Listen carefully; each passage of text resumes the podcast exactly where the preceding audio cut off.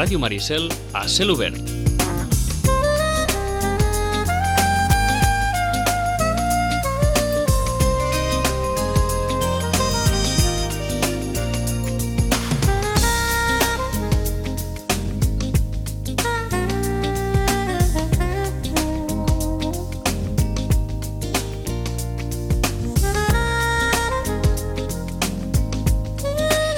Temps estiu, segurament en ple mes d'agost, més d'un amb la possibilitat de dedicar alguna algun temps al dia, no direm que, que alguna horeta, mitges hores, allò, moments més o menys eh, perduts per dedicar a la lectura. Bon moment, per tant, per algunes eh, recomanacions, per fer un repàs, no direm tant que, que novetats, perquè ja ho saben, com ens havia comentat la Rosana, que el ple mes d'agost encara encara no hi ha novetats, però un cop travessem la festa major, la darrera setmana d'agost, alguna cosa es començarà a moure ja de cara a les novetats d'una tardor que es presenta també molt moguda en aquest aspecte. Rosana Lluc, bon dia, bona hora. Hola, molt bon dia. De moment, tranquil·litat, eh? De moment, tranquil·litat, sí. No, per, no per massa temps. No, no, el dia crec que és el 27 d'agost, crec que ja surt la primera novetat així important, que és el Coelho. Bueno, cada editorial en traurà una de diferent, eh? Uh -huh. Però vaja, és allò que dius, bueno, sembla que és la darrera setmana d'agost. Eh? O sigui que un cop travessada la nostra festa major, Exacte. això es comença a moure. És el que tu deies, un cop travessada la festa major ja és moment uh Mhm. -huh. de novetats. El moment de novetats, moment de tornada al col·legi, etc etc etc. Totes aquelles coses. Eh? Tornada a la vida aquella eh? menys contemplativa. Eh? Eh, eh, sí, que, sí que podríem dir, Rosana, que hi ha literatura, no sé si dir que d'estiu o d'hivern, però segurament lectures que es presten molt a ser llegides a, a l'estiu, no? Sí, jo, jo crec que en aquests moments el que la gent vol és una lectura... És que hi ha dos tipus de lectors, no? Els que busquen una cosa de, bueno, com que ara tinc temps, és aquell moment dedicar-me a allò que, que no m'hi puc dedicar. Mm -hmm. Sobretot a tots aquells eh, lectors que pensen dedicar-se als clàssics, no? De dir, home, és que ara és el moment, no?, que tinc més temps i normalment quan veus un clàssic d'aquells que té més de 600 pàgines, dius, mare de Déu, vull dir, l'hivern em dura massa, i ara és el moment. Però la veritat és que la majoria el que eh, volen és una lectura més aviat fàcil, una lectura allò eh, que et puguis posar allà al balcó o a la terrassa, no?, amb una Mhm. crida a la nit i passar pàgines, passar pàgines, allò que, que et tinguin atrapat. Perquè la veritat és que en la llista dels més venuts han canviat ben poques coses, Sí. Però, po però poquíssimes, I a eh? més a més les copen, eh? Vull dir, allò, les ocupen uns títols en concret, a més a més un autor, després, Mhm. evidentment, el Falcones, però vaja, diguéssim que el Larson i la seva seqüela, eh? Ah, això mateix. Que escriuen novel·la policiaca en aquest moment estan triomfant. Mm -hmm. Eh, um, és de dir que llegir després del Larson, eh? perquè realment és el que tenim la proposta d'aquí, no? De dir, Sí, sí. Què llegim després del Larson, perquè, esclar, um, ja ho veieu per les llistes, suposo que tots els diaris estan dient que els, els més venuts és a l'Estic Larson, eh? els tres títols, vull dir que es nota doncs que, bé, que ja, ja hi ha bastants lectors que ja han llegit el primer segon i es declinen pel tercer, però encara n'hi ha molts que estan començant, eh? I molts que, a més a més, es compren tots tres alhora sí. perquè Oh. ja venen allò recomanats per algú i dir, bueno, escolta, si Mhm. tothom se'l llegeix, va estar dient tothom, no te'l perdis, no te'l perdis, ja m'ho compro tots tres, perquè així ja ho tinc.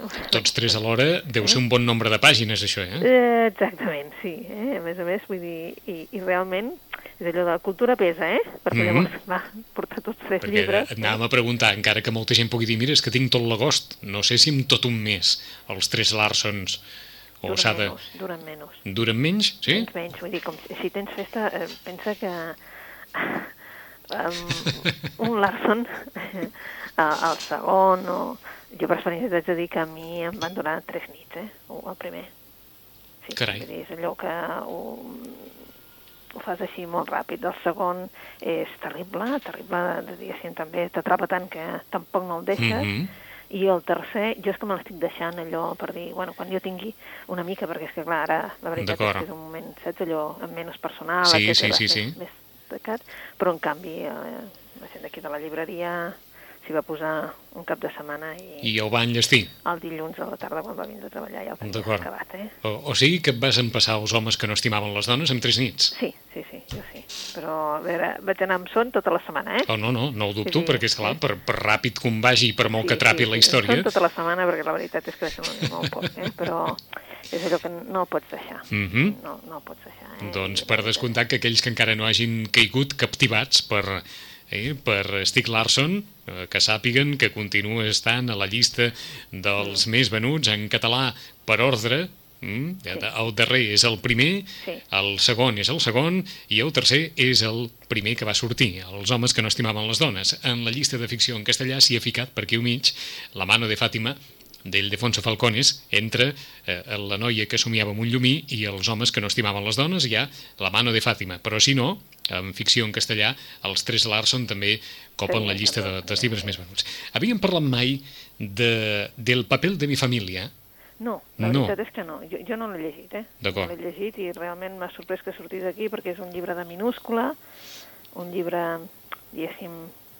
Bueno, ja saps que això de les llistes, no sé si totes les llibreries estan treballant les que estan donant llistes o què, però és curiós perquè jo també ho he trobat estrany, vull dir, perquè mm -hmm. és un, un llibre molt curtet, un llibre d'aquests de minúscula, el que estic acostumat són llibre, lectures molt escollides, però me l'he apuntat per dir, bueno, no, sí, és que... Mm, D'acord. M'ho he mirat aquest matí mm -hmm. i he pensat, mira, doncs aquest no, no l'he llegit, eh? D'acord. Eh, el llibre, llibre de Bora Kosic diu Belgrado, anys 40, un nen explica com el feixisme i la guerra s'integren a la vida quotidiana ens ha cridat l'atenció doncs, per, perquè el llibre ha aparegut aquí a, a la llista, al costat d'un sí, altre també. Sí, a la llista i que... Uh mhm. -huh.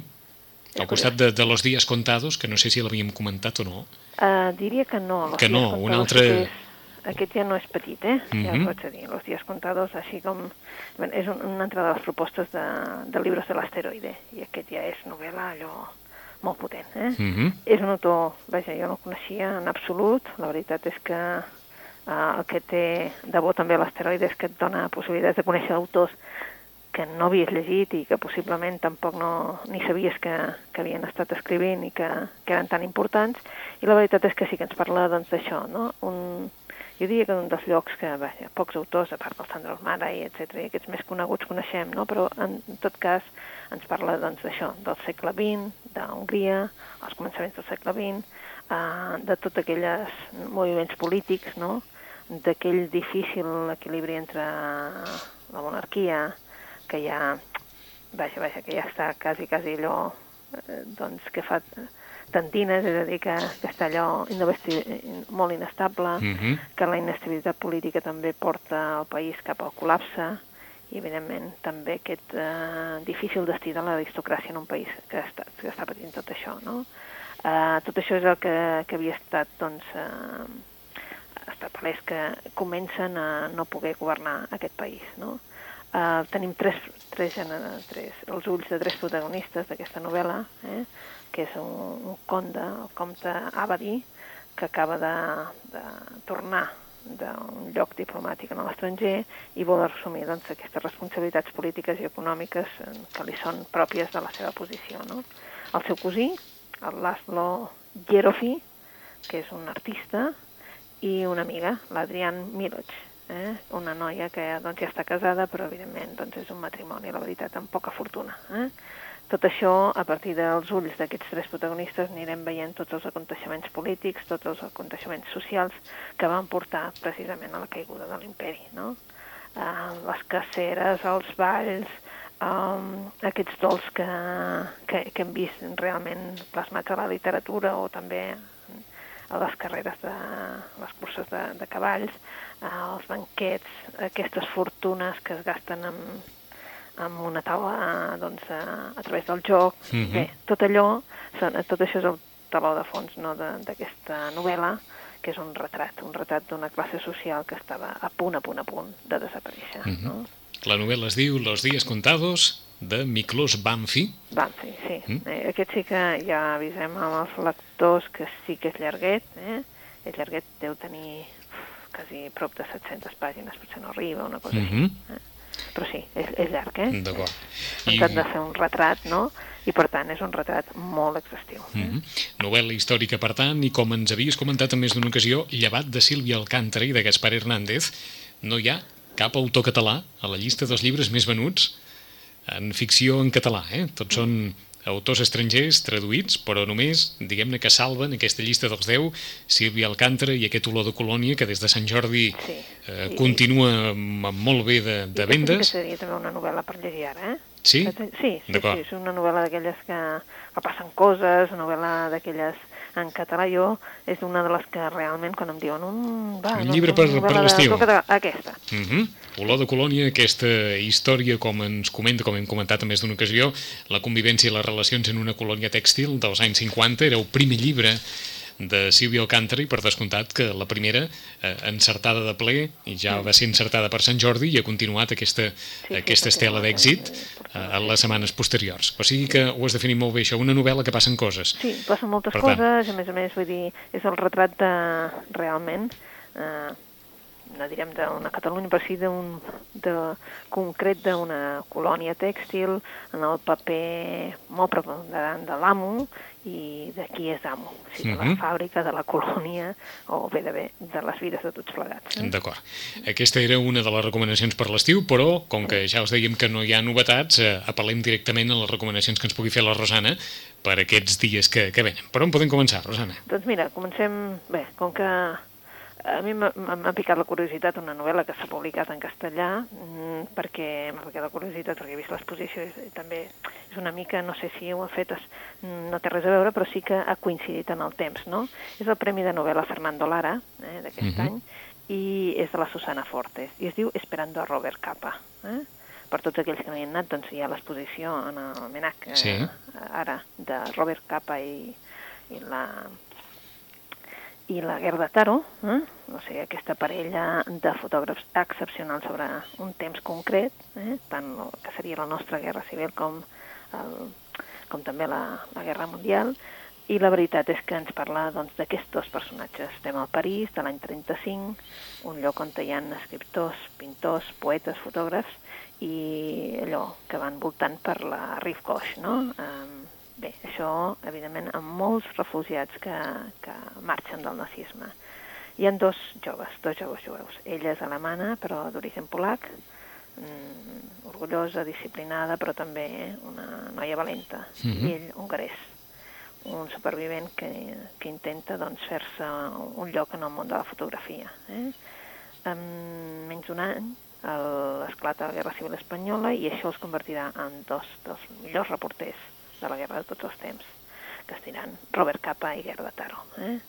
Uh, amor, guerra, fotografia, tot això va ser el que va marcar les seves vides, perquè eren, eren joves, eren antifeixistes, eren d'aquells de gent doncs, una mica doncs, que amb poca por, que estaven disposats a tots per prendre aquella fotografia, i bé, quasi, quasi que ho tenien tot, no?, en el sentit aquest de que ho volien tot. Eh?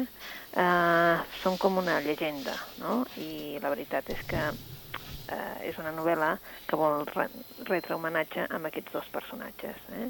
Per què? Doncs perquè ells van, van fer una professió doncs, en aquell moment doncs, potser la menys necessària o potser la més necessària per nosaltres perquè va ser un testimoni, però que alhora, doncs, clar, era una professió difícil. I per què ha fet el llibre? Doncs la Susana Fortes ens explica doncs, que ella va fer el llibre perquè des d'un bon començament eh, se'n recorda que a Mèxic van aparèixer tres caixes amb 127 rotllos de negatius i fotos de la Guerra Civil Espanyola. Uh -huh. No fa massa, Ah. d'això? No fa massa. d'aquí, Uh -huh. eh, ella va decidir que, doncs, que li interessava tant la història que es publiqués, etc que va decidir fer una novel·la. Clar.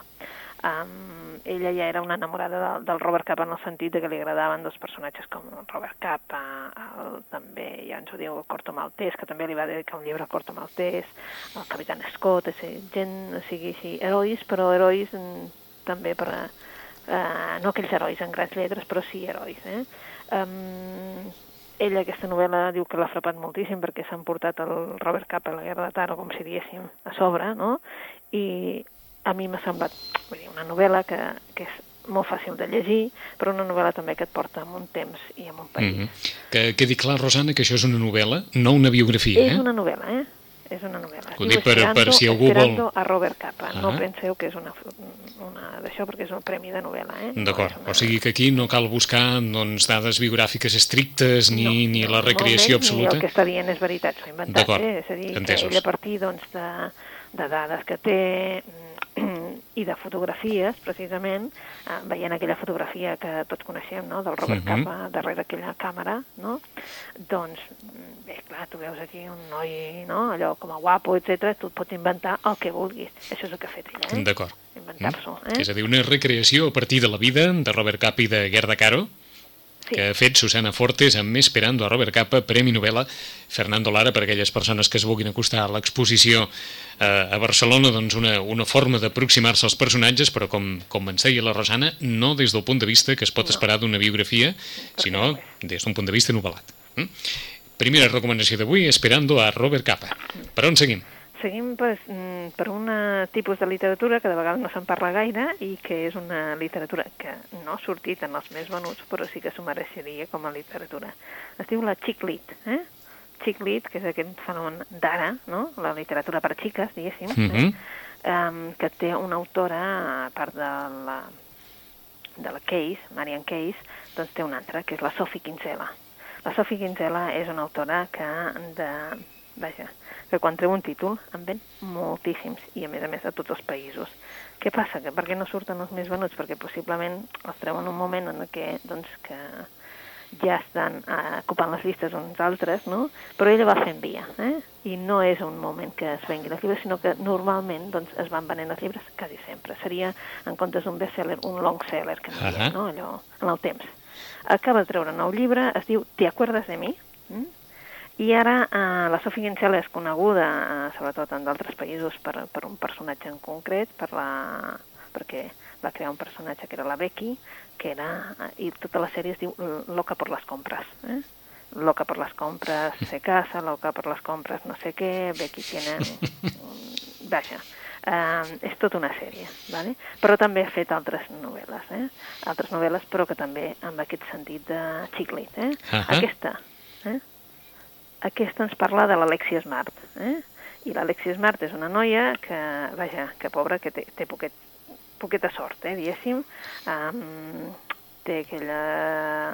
una vida sentimental que és un desastre, uh, les dents torçades, per tant, una aparença física no gaire agradable, té un treball d'allò de lo més mal pagat, i de cop i volta, un dia es desperta al llit d'un hospital i descobreix doncs, que és tot el contrari de lo que era. És a dir, que quan somriu té una dentadura esplèndida, que, bueno, que porta les ungles doncs, eh, molt ben eh, cuidades, eh, la ropa, els complements eh, són d'una persona rica i, a més a més, per si això no fos poc, està casada i amb un desconegut. Té una gran sorpresa perquè mm, desconeixia tot això o, per tant, no se n'en recorda i el que fa és, bé, oblidar-se'n de tot l'altre i diu, mm, proposar-se disfrutar d'aquesta nova personalitat que ha agafat ara, eh? i bé, llavors veu el que pot ser doncs, avantatges i inconvenients eh? del que pot ser una vida perfecta. Mm? Ja veieu, és una literatura sense gaires problemes. Mm, què passaria si de cop i volta obrissis els ulls i veiessis que pot ser una vida perfecta, eh? en aquest sentit. Eh? Aquesta és el, la proposta de la Sophie Kinsella amb aquest Te acuerdas de mi. Um, té un públic eh, que són els lectors que mm, no volen gaires problemes, que volen passar-s'ho bé i sobretot pensar que les coses de vegades són més fàcils o que hi ha qui les té més fàcils. Ah. Um, això no és literatura juvenil, eh? No, no, no, No. no, és juvenil, eh? No és juvenil, no. És eh, xic-lit, però eh, d'un públic que passa dels 20, eh? D'acord. És a dir, se'n va cap als 30. Uh -huh. eh? Però en qualsevol cas, un públic que demana literatura de lleure sense complicacions. Sí, sí, sí, és a dir, no és literatura juvenil perquè, és clar els problemes són de gent ja, diguéssim, que ja està en edat laboral, és a dir, Mhm. que té problemes a la feina, mm, edat de casar-se, etc etc. No és juvenil. O sigui, D'acord. No seria aquell... Eh? Els protagonistes no són joves, eh? Mhm. Són això. Mm, S'acosten més als 30 que no pas als 20. Eh? Doncs de Sophie Kingseller, Te acuerdas de mi? Una altra de les recomanacions eh, per avui. Més. Més. Bé, mm, si hi ha alguna novel·la que ara es vengui en aquests moments és la novel·la policial, que ja ho vam dir, que hi havia, ens venia aquell aire nòrdic, eh? Mhm. i això continua. És a dir, un dels llibres venuts en aquest moment també és Ningú no ho ha vist. Eh? I Ningú no ho ha vist ens ve de la mà de Mary Jungstedt. Eh? No és una novel·la nova perquè ja va tenir el seu camí i sobretot doncs, bastant a, cap als voltants de Sant Jordi, etc. però sí que és una novel·la que ha anat fent camí en el sentit de que la gent ja demana, escolta, què hi ha més? Eh? Doncs, bé, de moment no hi ha res més, és, eh, um, també és a Suècia i per tant també ens parla doncs, d'aquells ambients bastant freds. Eh? El primer cos que van trobar va ser el d'un gos, eh? I un gos que li havien tallat el coll, li havien tallat les potes... Bé, després van trobar el cadàver d'una dona. Eh? Um, bé, aquesta estava apunyalada i li havien posat doncs, un tros de roba a la boca. Això se'ns apareix a la villa de Gotland, eh, que és una destinació turística, que està a la costa de Suècia, eh, està en, en plena temporada alta i, clar, descobrir el cos d'una dona assassinada realment no és el que i d'una manera tan brutal no és realment el que necessitava la costa en aquest moment, no? Uh -huh. Les sospites recauen sobre el seu marit. Eh? Per què? Doncs perquè la nit anterior se'ls va sentir que discutien d'una manera molt acalorada. Eh? I l'inspector Andreas Kunutas està convençut que serà un cas fàcil de resoldre, perquè, és clar està molt clar, si es van esbarallar, etc etc, doncs ja està clar qui l'ha matat, no? Les autoritats locals també ho esperen així, però més per un desig d'això, de conservar tota aquesta mm, indústria turística que no pas per, eh, per eh, realment per resoldre el cas, eh? Eh, clar, això voldria dir que la justícia ha d'anar molt ràpida, no? Què passa? Pues, mm, que apareix una nova víctima, una altra dona jove, eh, una altra dona assassinada d'una manera esgarrifosa i ara precisament és allò de ningú no ho ha vist. Eh? Mm, tenim una altra novel·la negra, una altra novel·la d'aquelles que tant passes molt ràpid, aquestes no són el Larson, no són tantes pàgines, malgrat que el, el, la qüestió del Larson és que és molt, molt doble, però si ens veiem la caixa tal com està feta, és a dir, com està imprès, Uh -huh. realment és més estret el cost d'impremta, amb la qual cosa són moltes pàgines però és menys lectura, eh? I en aquest cas eh, no són gaires pàgines, són unes 300 i també és molt, molt fàcil de llegir. Uh -huh. Per aquells que els agrada la novel·la de, d'intriga, novel·la policíaca, eh? Doncs acabarem pensant que la resta d'Europa ningú escriu novel·la policíaca i, en canvi, als països nòrdics hi ha una febrada com, com una casa, eh? Sí, és com si de cop i volta Clar. haguéssim descobert que també hi eren els d'allà dalt, no? Com que sempre els diríem els Sí, d'allà sí. perquè està molt lluny, eh? Sí, i tots han vingut de cop. I han vingut tot de cop, eh? Mm? Doncs sí, de... eh, La veritat, eh? Tots han llegit el Larson, tots el Larson els ha llegit amb ells, saps? Mhm. uh, aquests també han posat, com que és columna, també ha posat, sí, en aquells, de, se'n recordeu que en dèiem que aquells del Per Balú i el Maja Swallow eh, posaven una cinta dels de, els, els autors que, va, que van inspirar el Sí, Larson. sí, eh? me'n recordo que ho comentaves. Eh? Doncs bé, ara que és, també porta una cinta que diu en la millor tradició del Henning Mankell, ja no se n'obliden del Mankell, i l'Stig Larsson. Eh? uh, bueno, la Mary Jungstedt, ells consideren que també és la reina de la novel·la negra sueca. Mm -hmm. Mm, ho dic perquè després en també una altra, que és la Camila Lackberg, eh? També una autora que està fent furor, perquè en castellà n'hi ha més, en català La princesa del gel, Els crits del passat, i ara tenim doncs, aquest Les filles del fred. Ah. En català hem passat directament en el tercer, Les filles del fred, està fent també la seva via amb aquesta edició. Per què? Doncs perquè és intriga, és intriga policiaca, evidentment, Mm -hmm. i és un thriller d'aquells que són trepidants, eh? Uh, també està començant, aquest és un fenomen, no? Aquests vents que en venen del nord que van cap avall, perquè França també uh, s'està venent moltíssim, i clar, uh, tornem a estar en un poble de la costa oest de Suècia, tot sembla mm, tranquil fins que apareix una nena ofegada, no? Ja ho dèiem que aquestes filles del fred també seria una de les novel·les d'aquest estiu i ho està sent, del debò. Ahà. eh? O sigui que es pot fer un, un bon pack, per dir-ho així, amb Ningú no ho ha vist i Les filles del fred. Sí, sí, sí, perquè Les filles del fred, a més a més, és la darrera novel·la de la Camila Lackberg. En Ahà. català eh, hem, passat, hem començat per aquí, no?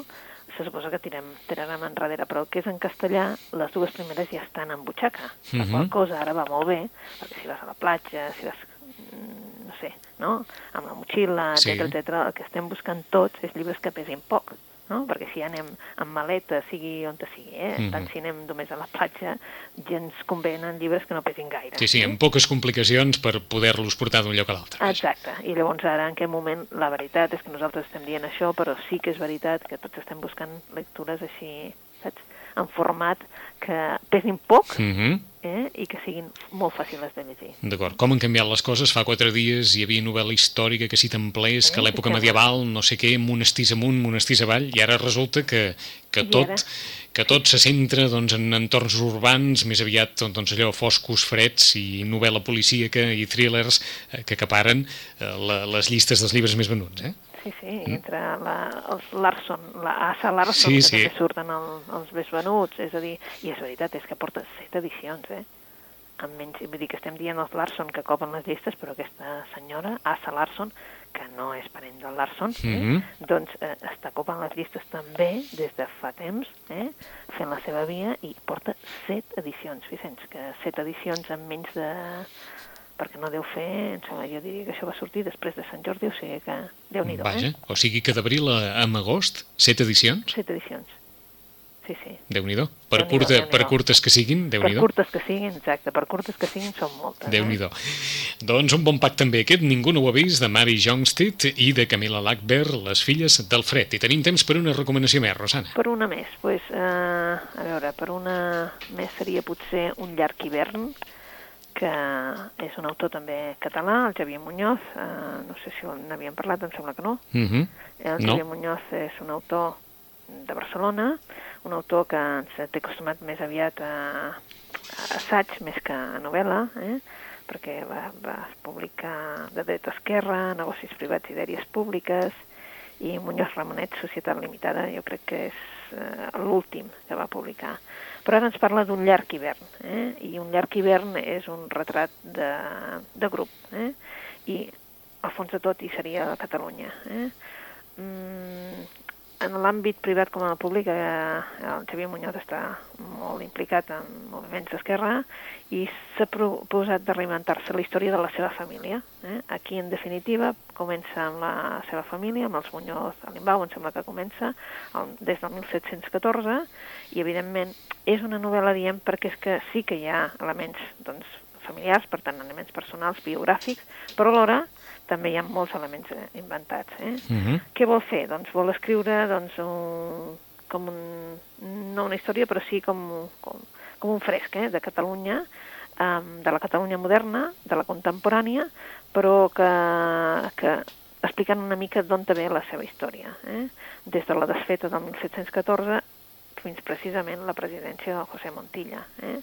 Mm, Passant, evidentment, per tot, des de la nostra renaixença, a la Guerra Civil, a la democràcia, per tant, anys 70, um, una mica, um, és que no podem dir ni que és una novel·la històrica, ni que és una història de Catalunya, Mhm. ni que és una biografia. Ara Perquè és una miqueta de tot. Eh? eh, és un repte com una casa, això, eh? Sí, és un repte que, que, que es fa al, al Xavier Muñoz. Perquè, eh? és clar, són 200, 250 anys d'història de Catalunya així... Sí, ben passat bons. molt, molt, molt, molt de pressa, eh? No, no, Perquè ja m'ho suposo, no és però- una, però esclar. Eh? Ah. També penseu que tampoc no, vull dir, que no arriba ni a les 300 pàgines, per tant no és allò, eh, un totxo, sinó que vol fer una mica és, doncs, suposo que és explicar la història de Catalunya però a través dels personatges. Quins? Doncs Mhm. precisament la seva família, els Muñoz de Lavau eh? i els seus representants. Eh? Um, clar, els va situant en el temps, però no tots els personatges eh, doncs, eh, mm, són reals, eh? I llavors, clar, aquí hi ha de tot, eh? Des d'informació que s'ha tret, des de, evidentment, anar-se'n al llit amb algú, alguns personatges ben coneguts com a el Felip V, el Ferran VII, Mhm. la Bonaventura Carles Aribau, el Valentí Mirall, Bé, surten una mica, saps, allò, Francesc Macià, l'Abat del D'acord. carrer... O sigui, personatges històrics al costat d'altres que no ho són? Exacte, sí. Eh, Una mica, doncs, que també llicència d'escriptor, eh, que es diu, és a dir, que D'acord. inventar cosetes. No, ho dic perquè també allò que tu deies de... El, el mateix que dèiem en el cas de, de l'altre llibre que ens has Eh? comentat, del llibre de, de Robert Capa, aquí Exacte. també hi ha molta llicència de- d'escriptor. Sí, perquè, clar, una mica, doncs, què és això? Ben bé, què, què és? Pues, home, pues, una novel·la... mm, Bueno, és allò... Saps? No? Ben bé, una mica de tot, eh? D'acord. O sigui que una novel·la amb excusa històrica, vaja. Sí, Eh? Un llarg hivern de, de, de Xavier Muñoz a partir del 1714 i fins José Montilla de president. O sigui sí, que sí, ara. Eh? Hi, ha, hi, ha, hi, ha, hi ha molt de camí per, uh, per recórrer. Fem Sí, un repàs. sí, ell, ell ho agafa l'hivern, per això ella diu un llarg hivern. Entesos. Eh? Entesos. Fem un repàs a les recomanacions que ens ha portat la, la Rosana avui. Un autor fins eh, fa ben poc desconegut, però que eh, l'editorial l'ha aconseguit col·locar en la llista dels llibres més venuts. Ens estem referint a Libros de l'asteroide i a Miklos Banfi, que és l'autor de Los días contados, aquesta història a l'entorn de l'Hongria del segle XX, a partir d'una família de classe alta, com va perdent, per dir-ho d'alguna manera, aquells, tots aquells privilegis amb la caiguda de l'imperi austro-hongarès. Després hem comentat el llibre de Susana Fortes, el Premi Nobel a Fernando Lara, Esperando a Robert Capa, llibre que s'acosta a les figures de Robert Capa i de Gerda Caro amb un homenatge a aquests dos eh, personatges, però no és una biografia, sinó una recreació històrica, novel·lesca, a partir de eh, la figura d'aquests dos grans fotògrafs. Després de Sophie Kingseller, Te acuerdes de mi? Aquesta història, una lectura de lleure, com ens deia també la Rosana, a partir de, de la vida d'Alexia Smart, una noia eh, francament poc agraïda físicament i en la seva vida, que desperta un dia en el llit d'un hospital doncs, senzillament reformada, d'alguna forma, eh, amb una nova personalitat, casada, en definitiva, amb una vida perfecta. Com seria o què ens passaria si d'un dia per altre ens aixequéssim i visquéssim una vida perfecta? Aquest és l'excusa de Te acuerdas de mi, de Sophie Kingseller. Pel que fa referència a novel·la policia, que els qui us agradi el gènere i els qui creguin que l'estiu és un bon moment per, per ficar-s'hi de ple, eh, ningú no ho ha dit, de Mary Jongstead, aquesta història que comença amb, amb un gos amputat per totes bandes, segueix amb una dona apunyalada, després apareix un altre cadàver, complicant una investigació que semblava fàcil de bon principi, després de Camila Lackberg, Les filles del fred, un altre, com ens deia la Rosana, un altre thriller trepidant, que pot ser trepidant, que pot ser una bona companyia d'aquest ningú no ho ha vist. I finalment, qui vulgui també doncs això, recrear-se una mica en la història a partir d'una novel·la de Xavier Muñoz, Un llarg hivern. Són algunes de les recomanacions, però quan tornem a saludar la Rosana, que haurà passat ja la, la festa major, estarem en aquesta setmana en què ens deia ella, aquesta setmana de finals d'agost en què començaran a arribar totes les novetats. És un estiu tranquil aquest, Rosana? Sí, Sí. estiu, sí, sí, la veritat és que sí. És un Massa, estiu, massa tranquil? Ah, és un estiu de, de Larsons, eh? és un estiu Larson, eh?